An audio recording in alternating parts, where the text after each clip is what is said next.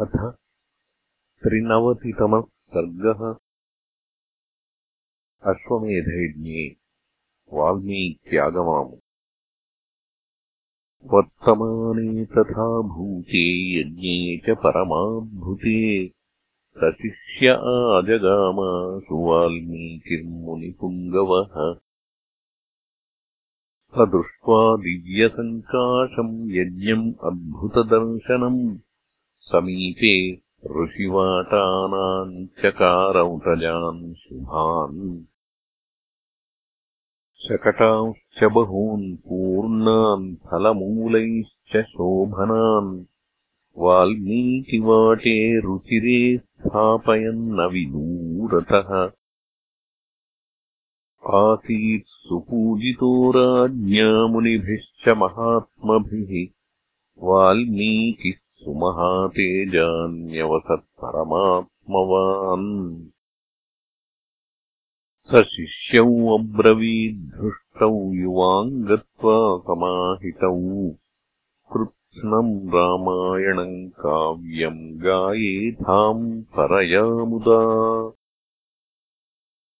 ऋषिवाटेषु पुण्येषु ब्राह्मणावसथेषु च प्रथ्यासु राजमार्गेषु पार्थिवानाम् गृहेषु च। रामस्य भवनद्वारि यत्र कर्म प्रवर्तते ऋत्विजाम् अग्रतश्चैव तत्र गेयम् विशेषतः। इमानि च फलान्यत्र स्वादूनि विविधानि च जातानि पर्वताग्रेषु चास्वाद्यास्वाद्यगायताम् न यास्यथः श्रमम् वत्सौ भक्षयित्वा फलानि वै। मूलानि च स्मृष्टानि नगराद्बहिरास्यथः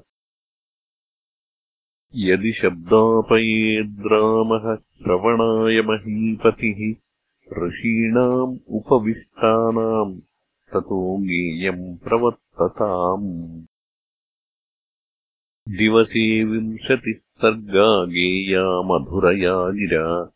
प्रमाणैर्बहुभिस्तत्र यथोद्दिष्टा मया पुरा।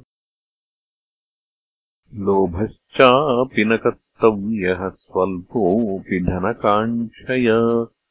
किम् धनेनाश्रमस्थानाम् फलमूलोपजीविनाम् यदि पृच्छेत् स काकुत्स्थो युवाङ्कस्येतिदारकौ आवाम् वाल्मीकिशिष्यौ स्वः भूतमेवम् नराधिपम्। इमांस्तन्त्रीः सुमधुराः स्थानम् वा पूर्वदर्शनम् मूर्च्छयित्वा सुमधुरम् गायेथाम् विगतज्वरौ।